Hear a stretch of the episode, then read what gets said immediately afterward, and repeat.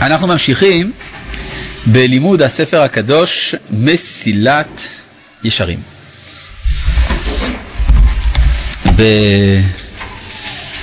בפרק אה,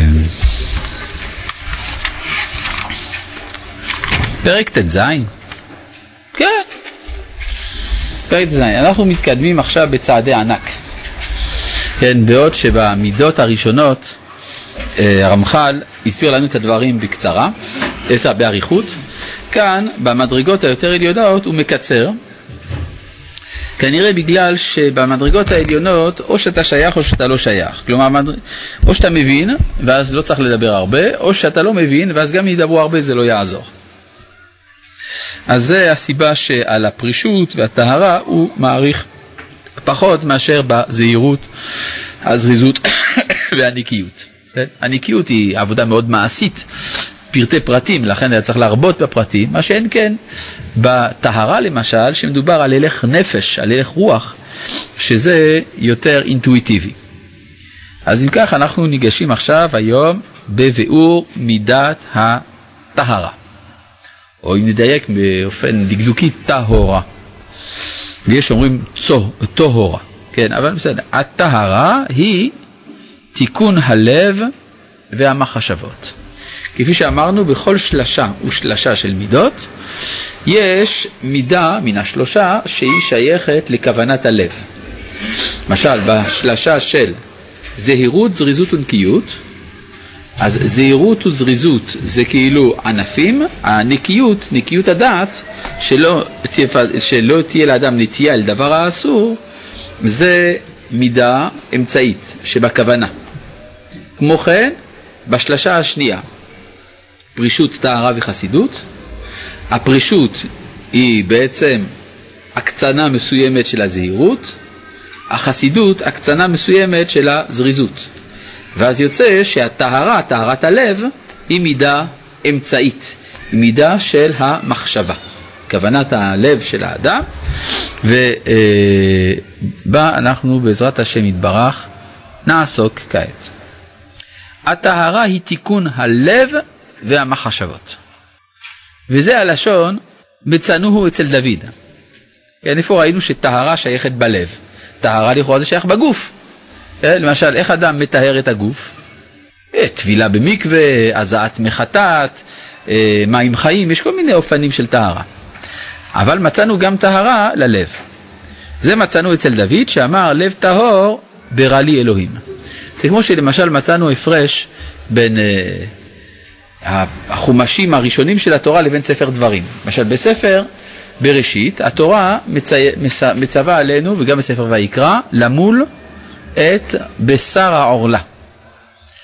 אבל בספר דברים מדובר על מדרגה עליונה ומלתם את עורלת לבכם ומל השם אלוהיך את לבבך אז אפשר להבין חלילה כמו הנוצרים, שהכוונה שבמקום מילת הגוף באה מילת הלב, אנחנו בתלמידי משה מבינים שעורלת הגוף, הסרת עורלת הגוף, מביאה גם להסרת עורלת הלב.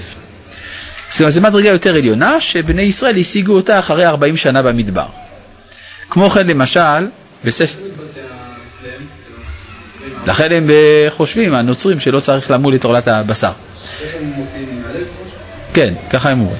עכשיו, לעומת זה, כמו כן גם בספר שמות מצאנו מדוע צריך לקיים מצוות. לפי ספר שמות למה צריך לקיים מצוות? כתוב מפורש בפרשת בשלח. אם שמוע תשמע כל השם אלוהיך וש... והאזנת למצוותיו ושמרת כל חוקיו, כל המחלה אשר שמתי במצרים לא אשים עליך כי אני השם רופאיך. מסקנה, צריך לשמור מצוות, לקיים מצוות כדי להיות בריא. אם אתה לא מקיים מצוות, אתה חולה. כן? זה מאוד תועלתי, כדאי לקיים מצוות, ככה תהיה בריא. יותר טוב מהקמול. אבל בספר דברים, למה צריך לקיים מצוות? ואהבת את השם אלוהיך. כן? מתוך האהבה. לאהבה את השם אלוהיכם מול עובדו בכל לבבכם ובכל נפשכם. זה מדרגות שבני ישראל הגיעו אליהם אחרי 40 שנות מדבר. שהתפיסה של האלוהות ושל עבודת השם השתנתה. כמו כן גם למשל בספר שמות כתוב שאסור לעבוד לאלוהים אחרים. נכון? אבל לא כתוב שהשם אחד. איפה כתוב שהשם אחד? בספר דברים. כן? שם נאמר שמע ישראל השם אלוהינו השם אחד, חידוש. לפני כן לא ידעו את זה. זה לא שאי אפשר היה לדעת את זה, אבל זה לא היה במרכז ההכרה, כמו שאומרים. לכן אפשר לראות מה עושות 40 שנות מדבר לאומה שלמה, שמשנת את התפיסה שלהם. אה, כמו כן גם הטהרה. אז טהרת הלב זה עבודה מיוחדת שלא מגיעים אליה באופן ראשוני. צריך קודם כל טהרת המעשים. יש טהרה, אה, והטהרה המעשית היא גם כוללת את, ה, את, ה, את הסילוק של הטומאות על ידי הטבילה במים של מי מקווה וכדומה. ויש אחר כך טהרה יותר פנימית, טהרת הדעות. הטהרה היא תיקון הלב והמחשבות, וזה הלשון מצאנו אצל דוד, שאמר, לב טהור ברא לי אלוהים. ועניינה, אז עכשיו, מה זה באמת טהרת הלב? זה... ורוח נכון חדש בקרבי. ועניינה, שלא יניח האדם מקום ליצר במעשיו, אלא יהיו כל מעשיו על צד החוכמה והיראה, ולא על צד החטא והתאווה.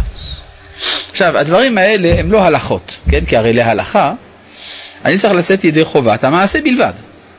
אבל כאן מדובר בכוונה שלי. זה לא מפריע לכם הסטנדר הזה? אה? אני חושב שכדאי להזיז אותו. מפריע לי שזה מפריע לכם, פשוט. כן.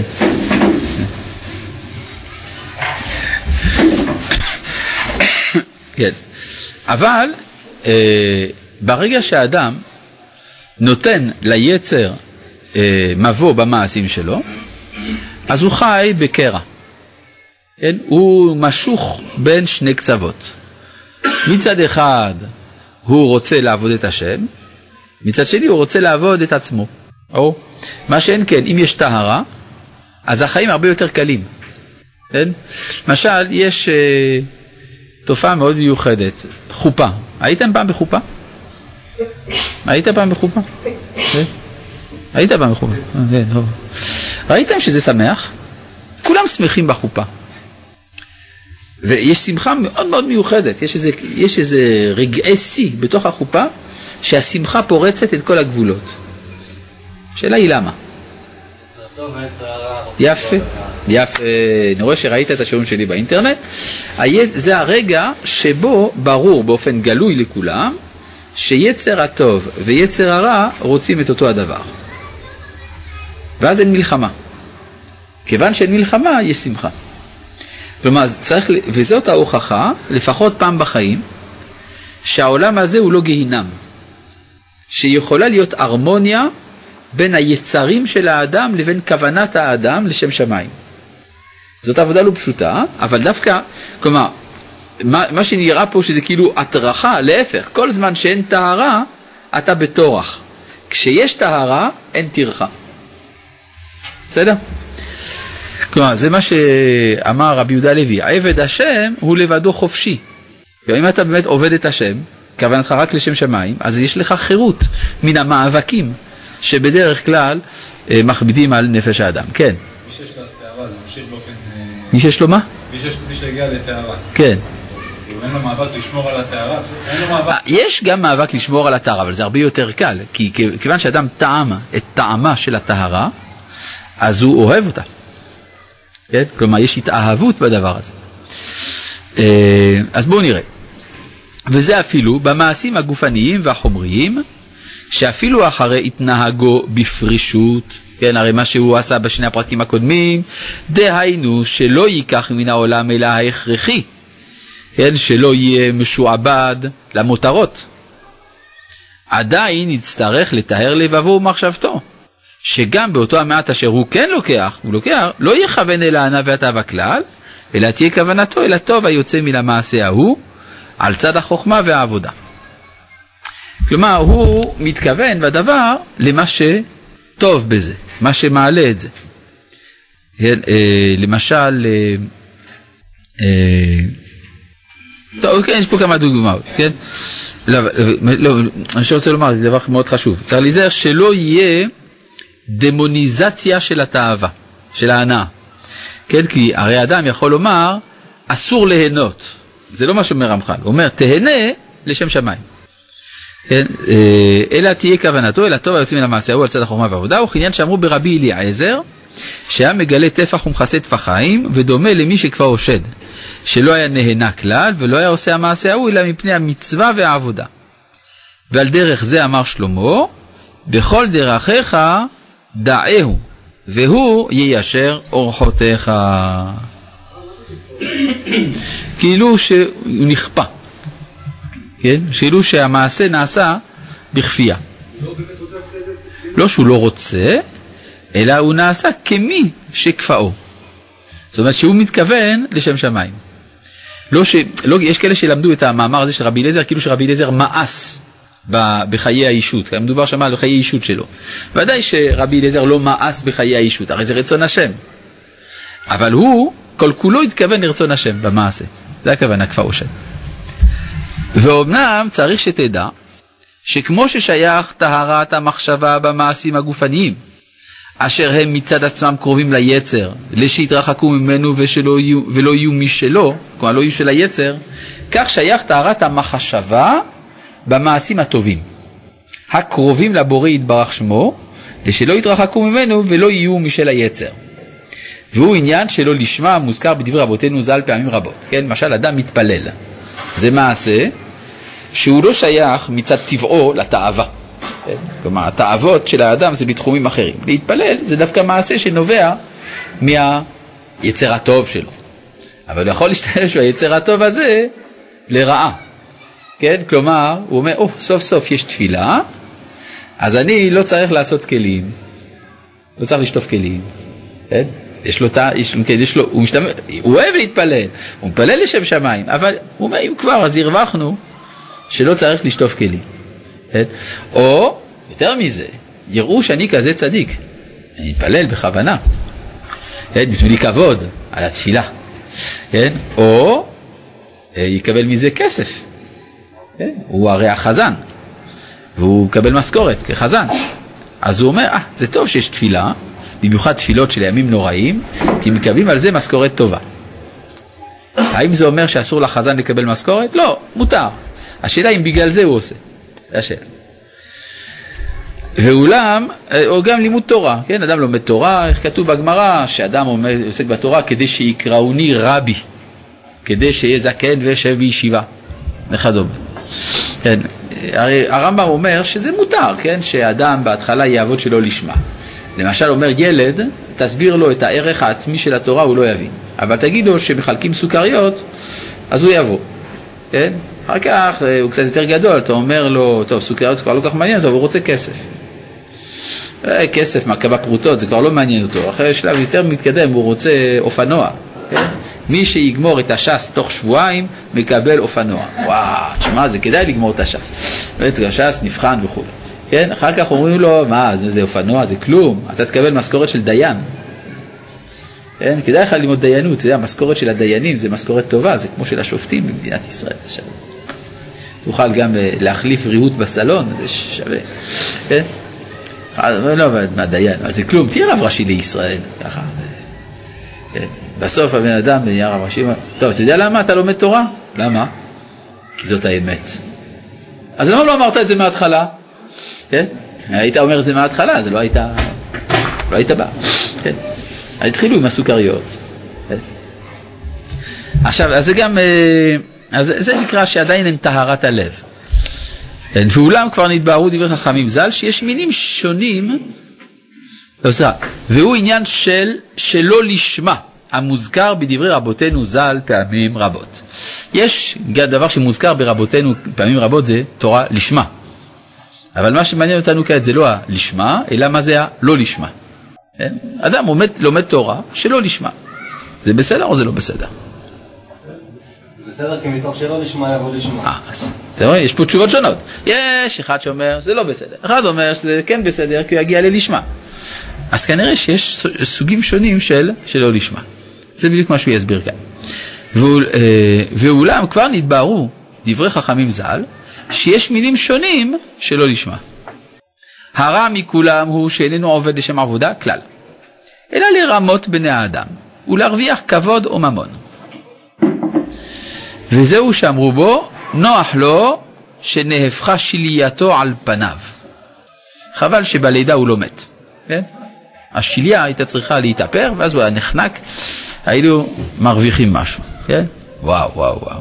זה... חבל עליו. ועליו אמר הנביא, ואני חתמי כולנו, וכבגד עדים כל צדקותינו.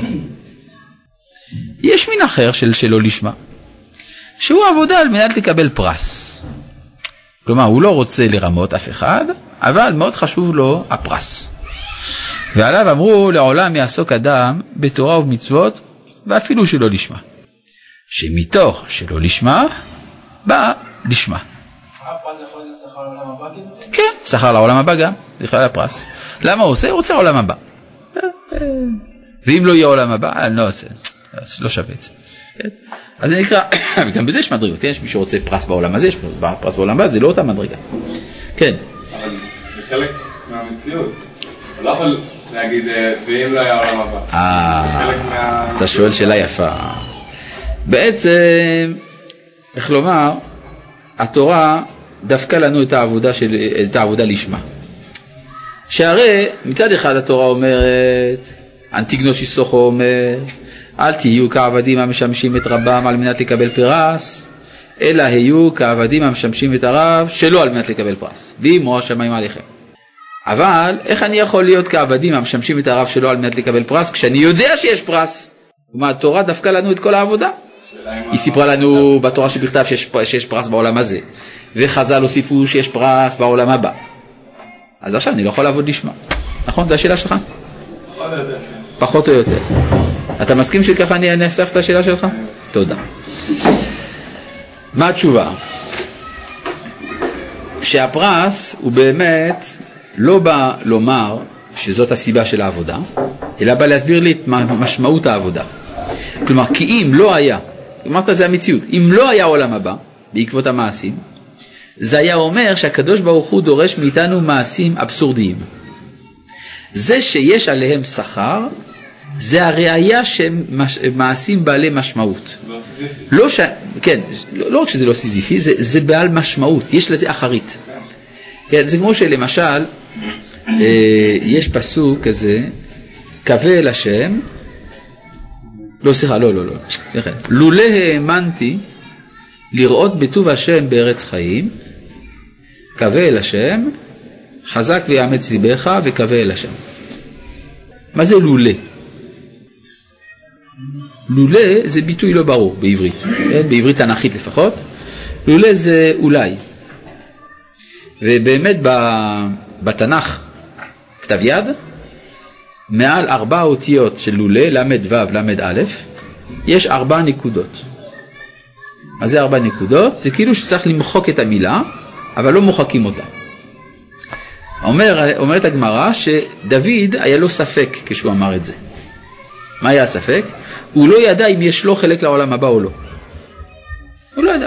למה הוא חשב שאין לו? הוא אומר שמה יגרום החטא. כנראה שהוא חשב על הסיפור של בת שבע או דברים כאלה, הוא אמר יש לי תיק כבד, אז אולי אין חלק לעולם הבא לדוד. אבל, איך כתוב שם בגמרא בברכות, אמר דוד, ריבונו של עולם, אני יודע שאתה משלם שכר טוב לצדיקים, לעולם הבא, אבל איני יודע אם יש לי חלק עמהם. כן, ככה כתוב. שמה יגרום החטא. אבל הרב קוק מדייק שמה המשך הפסוק? לולא האמנתי לראות בטובה שבארץ חיים, כלומר אולי אין לי חלק לעולם הבא, אבל בכל מקרה, קווה אל השם חזק ויאמץ ליבך. מסביר הרב קוק שדוד היה שמח על זה שהוא חי בעולם שיש באחריתו עולם הבא. למרות שהוא לא ידע אם באופן אישי הוא יגיע לזה. כלומר, יש לו שמחה מזה שיש לעולם אחרית טובה. בסדר? אגב, יש לדוד חלק לעולם הבא או לא? יש, יש, יש. כן. אבל הוא באותו רגע לא ידע אם יש לו. עכשיו, אה, לכן, כלומר, מה אני אומר? זה למשל כי ישעיהו ליבוביץ', הוא חשב שזה לא טוב שיש עולם הבא. הוא אמר עולם הבא זה בשביל הבינוניים. יותר טוב שאין עולם הבא, ככה אתה עובד באמת. כן? אבל מה זה הבאמת הזה שלו? זה לא לשמה, אלא זה לכלום. צריך לקיים מצוות כי ככה זה. עכשיו, זה נכון שהיינו מקיימים מצוות, גם אם הקדוש ברוך הוא היה מצווה עלינו מעשים אבסורדיים שאין מהם שום אחרית ושום תקווה. אבל, כפי שאמרת, זאת לא המציאות. המציאות היא שהקדוש ברוך הוא רוצה לתת לך עולם הבא. אז מה, לא תקבל? זה לא יפה, זה לא מנומס. כסיפור המפורסם שסיפרתי כמה פעמים פה, על רבי זושה. אתה זוכר את הסיפור? לא מכיר. רבי זושה, אתה יודע מי זה רבי זושה? שהוא מה? שהוא בכה. יש הרבה אנשים שבכו בחיים שלהם. גם ניטשה בכה. תתפלל לאישה שתוליד ילד. יפה. שתלד. לא שתוליד, שתלד. שתלד. כן. כן, סיפור. מה הסיפור? רבי זושה מהניפולית, יודע מי זה רבי זושה? רבי זושה מהניפולית היה אח של רבי אלימלך מליזנסק. והם היו שניהם תלמידים של המגיד ממזריץ'. כן, שהיה תלמידו של הבעל שם טוב, יפה. אז רבי זושה מהניפולי פעם אחת באה איזו אישה אליו, אמרה לו, רבה תתפלל עליי שיהיה לי בן. לוקח רב זושה את הפתק, מתפלל שלשפרינצה בסגיטל יהיה בן. ואז הוא שומע קול מהשמיים שאומר לו, זושה, אל תתפלל. אני לא רוצה שיהיה לה בן. מה עושה רב זושה? ממשיך להתפלל, כמובן. כל אחד והתפקיד שלו. הקדוש ברוך הוא אומר לו לא, התפקיד שלו זה להגיד כן. ממשיך להתפלל, ואז שומע קול מהשמיים שאומר לו, זושה, אם תמשיך להתפלל, יהיה לה בן. אבל לך לא יהיה העולם הבא. אומר רב זושה, איזה יופי, סוף סוף. אני אוכל לעבוד את השם לשם שמיים. כלומר, להיות פילוסוף דתי, ליבוביציאני כזה, יש לו איזה פיתוי לרב זושה, פיתוי ליבוביציאני, אנחנו נעבוד את השם בלי לקבל עולם הבא. ואז הוא שומע קול מהשמיים שאומר לו, זושה, תיזהר, אם תמשיך להתפלל, יהיה לה בן, ואת העולם הבא שלך תקבל בכל זאת. כן? להפחיד אותו. ואז רב זושה המשיך להתפלל. עכשיו, מה זה אומר? זה היה חשוב שבמהלך ההתפתחות הנפשית של רב זושה, שיהיה לו איזשהו רגע שבו הוא מוכן לוותר על העולם הבא. כדי להגיע לטהרת הנפש, מה שאנחנו אומרים כאן במסילת ישרים, שהוא עושה את הדבר שלא בשביל הפרס שהוא מקבל. אבל הוא גם מבין שאם הוא לא רוצה את העולם הבא בכלל, זה גם חטא. כי הקדוש ברוך הוא נותן לך. הוא נותן משמעות לעולם שלו דרך העולם הבא. אז אם אתה מסרב לקבל, אתה בעצם מגדף. לכן הוא מקבל את העולם הבא, שלא על מנת לקבל פרס, אלא לשם שמיים הוא מקבל את העולם הבא שלו. כדי לעשות נחת רוח לקדוש ברוך הוא, שרוצה לתת לו את העולם הבא שלו. כן. אה, איך זה מסתדר עם אה, מה שכתוב בספרי יד החזקה? אה, כדי שיזכו לחיי העולם הבא. יפה. אתה מקשה שלכאורה הדברים האלה סותרים במפורש את הנאמר בסוף היד החזקה להרמב"ם, שלא נתאוו ישראל לימות המשיח, אלא כדי לעסוק בחוכמה ולזכות לחיי העולם הבא. נכון? כדי ש... כדי שיזכו לחיי העולם הבא. משמע שהרצון לעבוד כדי לזכות לחיי העולם הבא זה דבר כשר ורצוי. רגע, רגע, הקושייה קודם כל. אנחנו כשרוצים להבין משהו צריך קודם כל להבין את הקושייה. הקושייה, הבנת את הקושייה? כן או לא? הקושייה, זה מה שאתה מקשה? יפה. לכאורה הדברים האלה של הרמב"ם סותרים את דברי הרמב"ם עצמו בהלכות תשובה. שבהלכות תשובה פרק עשירי הוא כותב שהעבודה האמיתית היא שלא כדי לקבל את העולם הבא. זה סתירה ברמב"ם עצמו, נכון? מה התשובה? שהנביאים יתאוו בימות המשיח כדי שיעסקו בחוכמה, כדי שיזכו לחיי העולם הבא, כי כך רצון השם. בסדר? חוזר לביאור שלנו. כן. אה, כתוב פה שלא נשמע הראשון שהוא הרע מכולם, אז אם אני זוכר שבהקדמה לפרק חלק של הרמב"ם, אז הוא כותב את כל ההשתנות שסיפרת קודם, שמילד שרוצה כך רוצה זה, בדרגה לפני האחרונה שלשמה הוא רוצה כבוד, בגלל הכבוד הוא הופך להיות רב. נכון. ואחר כך הוא, בסוף, אחרי זה הוא בעצם מקבל את האופק של הלשמה. אז. בעצם זה, זה, לא, זה לא משתמע שזה, שזה המידה הכי רעה, אה. הכבוד. כלומר, אני חוזר על שאלתך, אתה רואה כאן סתירה בין הנאמר פה ברמח"ל לבין הנאמר ברמב"ם. כן. שהרמב"ם בהקדמתו לפרק חלק כתב שבדרך של החינוך, אז בהתחלה נותנים סוכריות וכל מיני דברים כאלה, אגוזים, כן? ואחרי זה נותנים כבוד או ממון ואחרי זה לשמה. ופה כתוב שבשביל כבוד או ממון, שזה הסוג הגרוע שנוח לו, ש... מה? לא כתוב שם ממון. כן, אבל כבוד, כבוד כן כתוב, כן? ואילו כאן כתוב שהכבוד זה לגמרי פסול לבקש את זה, נכון? כן. אה, יפה. תשובה.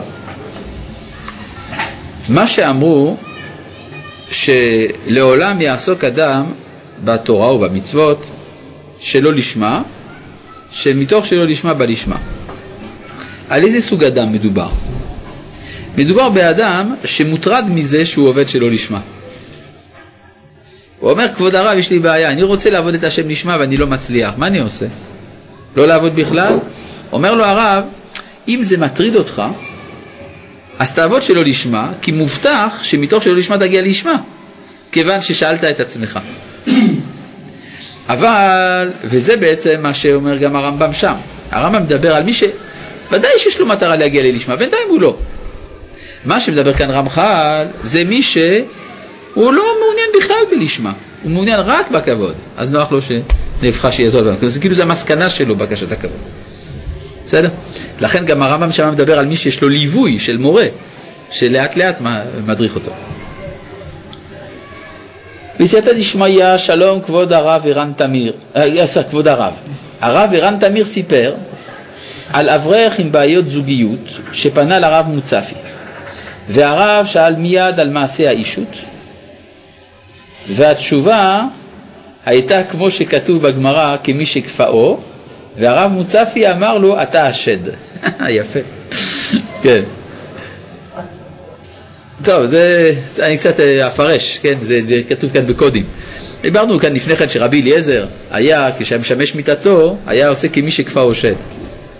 אז היה כנראה איזה אחד שהיו לו בעיות עם אשתו, אז הרב שאל אותו, מה, איך הולך שם? אז הוא אמר, כמי שכפאו שד.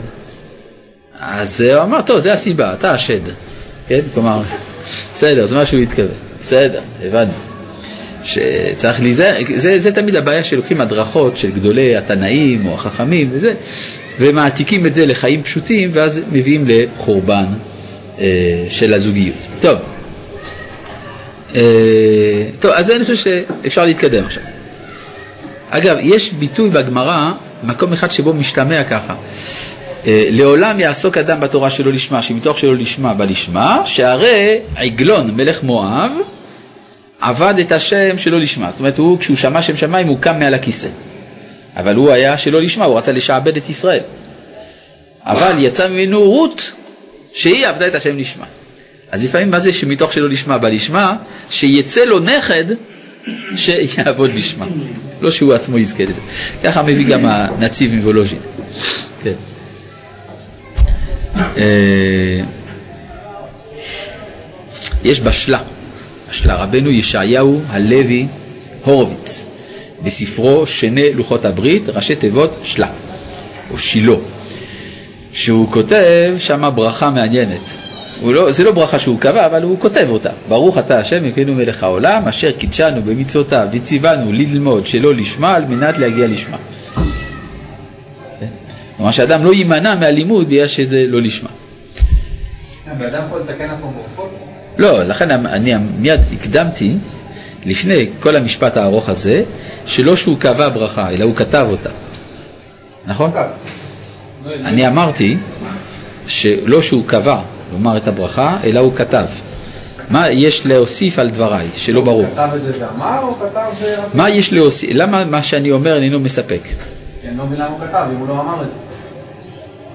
למה הוא כתב? משתמע מדבריו שהוא לא אמר, הוא רק כתב. ודאי שהוא לא אמר, נו אז מה? אז אתה שואל למה הוא כתב. כי לכתוב מותר, נכון? זה חינוכי, לכן הוא כתב. אז זה כאקט חינוכי כאילו. הרי אם אני אמרתי לפני כן זה חינוכי, אז התכוונתי שזה חינוכי, אז למה אתה שואל אותי, אה, זה אקט חינוכי? מה, מה, ההבדל- מה, מה במילים שלי לא הספיק? כן, אבל זה לא שונה ממה שאני אמרתי. טוב, אה, בסדר, טוב, הלאה. אה, אז זה מה שאומר, ויש מין אחר של שלא לשמה, שהוא העבודה על מנת לקבל פרס, ועליו אמרו לעולם יעסוק אדם בתורה ובמצוות, אפילו שלא לשמה, שמתוך שלא לשמה בלשמה. אך על כל פנים, מי שלא הגיע עדיין מתוך שלא לשמה אל לשמה, הרי רחוק הוא משלמותו. כלומר, זה מותר, זה אפילו רצוי לפעמים, אבל עוד לא הגעת למדרגת הטהרה.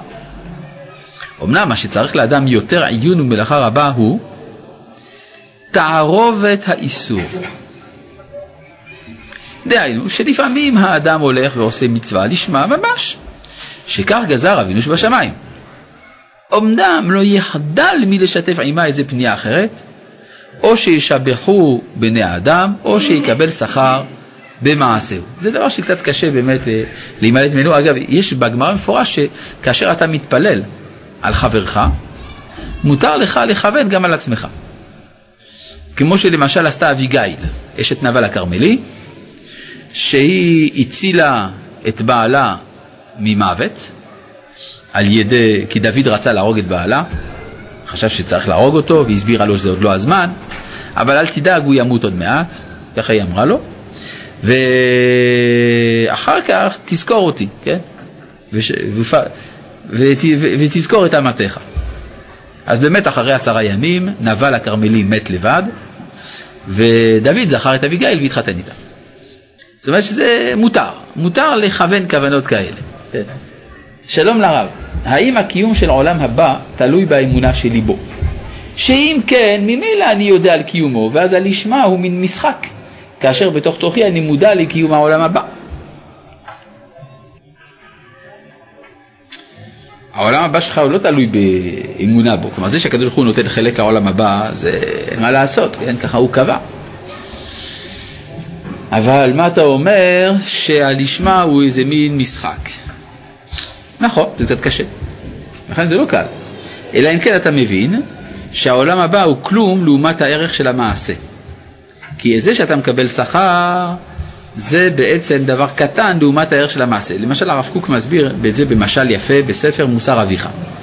יש אדם ששמע שיש מקום שבו אה, הר געש עומד להתפרץ. וכשהר הגעש הזה יתפרץ, ייקברו חיים אלף אנשים. והוא, על מנת להציל את אותם אלף אנשים, שולח במאמצים רבים מטוס לשם, וצוות הצלה, מוציאים את האנשים מן המקום. ואז כשמתפרץ הר הגעש אף אחד לא נפגע. יפה, נכון? אחרי כל המעשה הזה, יש איזה אדם עשיר בעולם ששמע על הסיפור, מאוד התרשם, שולח למציל צ'ק עם סכום גבוה, מיליון דולר, לא, אירו, יותר טוב, כן? מיליון אירו. למרות שבימי הרב קוק האירו עוד לא היה קיים, אבל היה ראוי היה להיות. טוב. ואז אותו אדם מקבל את הצ'ק בדואר, מסתכל, אומר, אה, ah, סוף סוף קיבלתי מה שרציתי. מה קרה כאן? הוא הקטין את כל הערך של המעשה, שהיה מעשה אדיר, להציל אלף נפשות, הוא הפך אותו לצ'ק של מיליון אירו. שום כלום. חבל על העבודה. לכן, אם אדם מבין שיש ערך למעשים שציווה עליהם השם מצד שהם מעשה השם, שהם ציווי השם, אז הוא מבין שהעולם הבא שלו לא שווה את זה. ברור? ואז זה פותר לו את הבעיה שאתה, השואל היקר באינטרנט, מעלה. השאלה היא, בזמן המעשה, אם אתה נניח עושה את זה לשמה, ממש כן. מצווה שהיא לשמה, אבל כן. אחרי 20 שנה אתה נזכר בזה, ואז אתה... מותר לך להתענג על המחשבה הזאת וגם על השכר שתקבל? כן, בוודאי, אפשר להתענג גם על השכר, אבל, לא, אבל מה שהוא שואל, הוא אומר שבזמן המעשה אני לא מסוגל לעשות לשמה. כן, אבל... אז אומר, אני אומר, כן אפשר לכוון לשמה, אם הוא מבין שהעולם הבא לא שווה את זה. לא שווה את, את המעשה. בעצם אני שואל, אבל אם אחרי המעשה... לא, אבל קודם כל מה שאני אמרתי, אה, הבנת מה שאני אמרתי? בסדר, עכשיו, אתה שואל אם אחרי המעשה מותר לו גם להתענג על המיליון אירו, למה לא? זה נחמד מיליון אירו, אבל זה כלום, לעומת המעשה. כן. השלב, אה, עבודה שלא לשמה הוא שלב מצווה עבודת השם? כן. השלב שלא לשמה הוא שלב הכרחי. אי אפשר לדלג. כן. ולכן אה, כל הילדים באים אל הבית כנסת כי יש בר מצווה וזורקים סוכריות. כן? זה שלב הכרחי, ככה נפש האדם בנויה. ייתכן אפילו שיש כוונה אלוהית בזה, כדי לצרף את הלא לשמה לעבודת השם. אבל זה כמו שאתה מקדש את העבודה הגופנית, העלאת ניצוצות, גם ממעשים נמוכים ושפלים. אז יש גם העלאת ניצוצות מהכוונה שלא לשמה. אה, אה,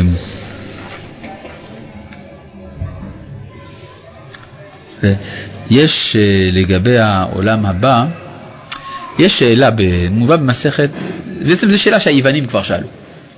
כן, אפלטון מביא את זה בפיו של סוקרטס, במחזה גורגיאס, בדיאלוג גורגיאס. מדוע צריך להעניש את הרשע ומדוע לתת, צריך לתת גמול לצדיק? לכאורה, הרשע נענש בעונשו היותר גדול בעצם העובדה שהוא רשע, והצדיק קיבל את השכר היותר גדול בעצם העובדה שהוא צדיק. ולכאורה לתת שכר ועונש זה להקטין את כל העבודה. כן, ככה שאלו היוונים. שאלה טובה. במסכת אבות ניתנה תשובה. כן, בעשרה מאמרות נברא העולם, והלא במאמר אחד יכול להיברא, אלא כדי לתת שכר טוב לצדיקים, שמקיימים את העולם שנברא בעשרה מאמרות, ולתת עונש לרשעים שמחריבים את העולם שנברא בעשרה מאמרות. לכאורה זה בא לתת תשובה לשאלה. כלומר, למה צריך לתת שכר לצדיקים? למה צריך לתת עונש לרשעים? התשובה היא בגלל שהעולם נברא בעשרה מאמרות. מה זה קשור? אם העולם היה נברא במאמר אחד, זה היה אומר שכל יחידה, בא... יחידה בעולם עומדת בפני עצמה. אני עומד בפני עצמי, אתה עומד בפני עצמך, כל דבר בפני עצמו. יוצא לפי זה שאם אני צדיק, היטבתי לעצמי. אם אני רשע חס ושלום, הרעתי חס ושלום לעצמי. אבל כיוון שהעולם נברא בעשרה מאמרות, זה אומר שיש חיות אורגנית שמקשרת את חלקי העולם זה עם זה. כי המספר עשר מורה על כך, על האורגניות. המהר"ל מסביר גם מדוע. יוצא לפי זה שכאשר אני עושה טוב, אני מטיב לעצמי ולעולם כולו. אז ההטבה שאני הזרמתי בתוך המערכת של העולם, אותה הטבה חוזרת אליי בתור שכר. זאת אומרת שיש הטוב העצמי ויש הטוב החוזר. כמו כן הרע העצמי והרע החוזר. מובן? טוב, בואו נמשיך. אמ, אמנם, מה שצריך לאדם יותר עיון ומלאכה רבה הוא תערובת האיסור, דהיינו שלפעמים האדם הולך ועושה מצווה לשמה ממש, ייקח גזר אבינו שבשמיים, אמנם, לא יחדל להשתתף עמה איזה פנייה אחרת, או שישבחו בני אדם, או שיקבל שכר מעשה. לפעמים, לפעמים אפילו אם לא יהיה מתכוון ממש לשישבחו, בשמוח ליבו על השבח ירבה לדקדק יותר, כי אין מעשה של ביתו של רבי חנינה בן טרדיון, שהייתה פוסעת פסיעות יפות. וכיוון ששמעה שאומרים כמה נאות פסיעותיה של ריבה זו, מיד דקדקה יותר. לכן שמה נענשה. לא כל בחורה שהולכת בהליכה יותר יפה נענשת על זה, אבל בתו של רבי חנה בן טרדיון שהייתה צדקת גדולה, הדבר הזה היא נתפסה בו. מה? אז רגע, זה אומר שאפילו אם יוצא שאתה שמח מזה בלב, זה גם... אה, אז זה לא, כבר לא כוונת הלב הטהורה, נכון. כלומר שהאדם פועל על פי מה שאומרים עליו. ודאי שאדם צריך להיות שמח שמה שהוא עושה פעל. אבל זה שהוא פועל בגלל, כלומר שהוא מקבל אה, מה שנקרא המרצה, כן? חיזוק חיובי אפשר לומר, ושהוא עושה בגלל שאומרים עליו, זה אמנם מותר, כן? זה, הרי זה הפסיכ... חלק מהפסיכולוגיה האנושית, אבל זאת לא הטהרה. כן? הרי התוספת הזה נולד מכוח השבח ששימחוה. ואומנם אף על פי שאיסור כזה בטל במיעוטו, על כל פנים המעשה שתערובת כזה בתוכו, טהור לגמרי איננו. כי הנה כשם שאין עולה על גבי המזבח של מטה אלא סולת נקייה מנופה ב-13 נפה, שכבר טהור לגמרי מכל סיג, כך אי אפשר לעלות על רצון המזבחו העליון להיות מעבודת האל השלמה והמובחרת, אלא המובחר שבמעשים הטהור מכל מיני סיג. שלום לרב שרקי, לא מובן מדוע הלימוד צריך להיות לשמה או שלא לשמה. הרי הדבר החשוב ביותר ליהודי הוא לגור בארץ ישראל, וידוע שרק מעטים מבינינו הינם גדולי עולם שלומדים לשמה. אז למה לסבך את נפש היהודי? תודה. לא צריך. כן, זה מה שאמרנו בהתחלה, שכל מה שנאמר עד סוף פרק י"ג הוא הנצרך לשיהיה האדם צדיק. וכל הנאמר מכאן ואילך הוא לשיהיה האדם חסיד. ולכן צריך לסבך את נפש היהודי הראוי לחסידות, ולא לסבך את הנפש של היהודי שאיננו שייך לחסידות. נכון. לכן אנחנו הזהרנו מראש שהפרקים האלה נאמרו ליחידים ולא לכלל. אז טוב ששאלת, כי ככה זה מאפשר לנו להזכיר את זה מדי פעם. טוב, חוץ מזה, שמי שנוהג במידת הטהרה, הנפש שלו לא מסובכת, הנפש שלו מטוהרת, כי הוא כבר חופשי מן השעבוד אל העצמיות שלו, שזה עונג בלתי רגיל, להיות בן חורין באמת. כן.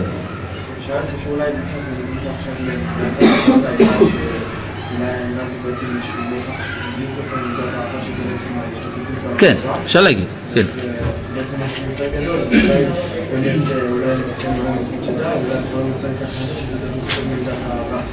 נכון, נכון. זאת אומרת, מה שאתה אומר שהאידיאליזם שייך לאהבה והתועלתיות זה שייך למידת היראה. בסופו של דבר, כן.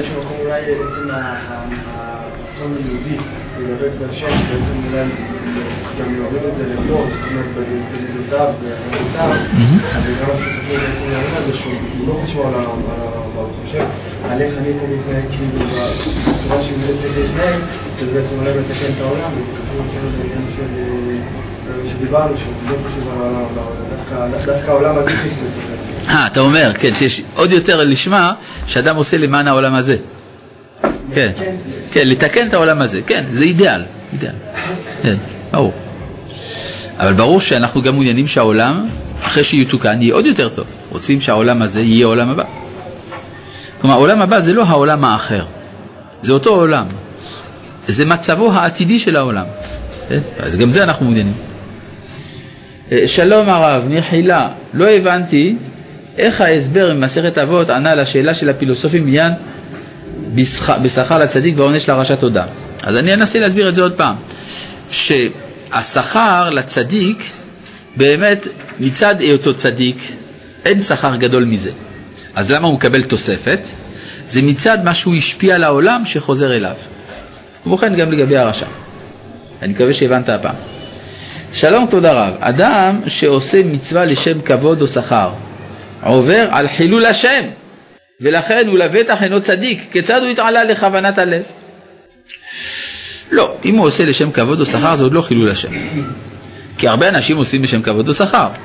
חילול השם זה התנהגות שגורמת ששם שמיים מתגנה על ידו. זה הכוונה חילול השם. אבל פה הוא עושה הרבה דברים חשובים, הנה הוא נותן צדקה. הוא כל יום נותן סכומים, סכומי עתק לצדקה. הוא והאנשים שהוא משכנע אותם לתת צדקה. יש מיליונים רבים של דולרים שעברו דרכו לצדקה. אז ודאי שזה לא חילול השם. רק מה, יש דבר אחד. הוא רק בדק שהעיתונאים הגיעו. בסדר, אבל לא כולם יודעים שזה בשביל העיתונאים. כי גם יש אדם אחר שהוא דווקא עושה לשם שמיים, והוא דואג לזה שיבואו העיתונאים, לא בגלל שהוא מעוניין, אלא בגלל שהוא רוצה שאנשים על ידי כך ירצו לתת צדקה. אז יש גם צד כזה, כי שזה מקדם את המפעל שלו.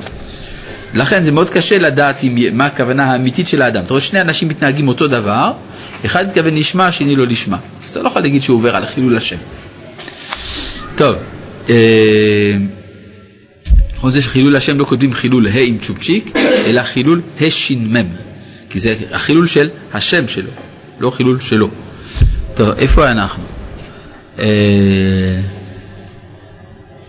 ואינני אומר שהוא זולת זה יהיה נדחה לגמרי. כי הרי הקדוש ברוך הוא אינו מקפח שכר כל בריה, הוא משלם שכר המעשים לפי מה שהם.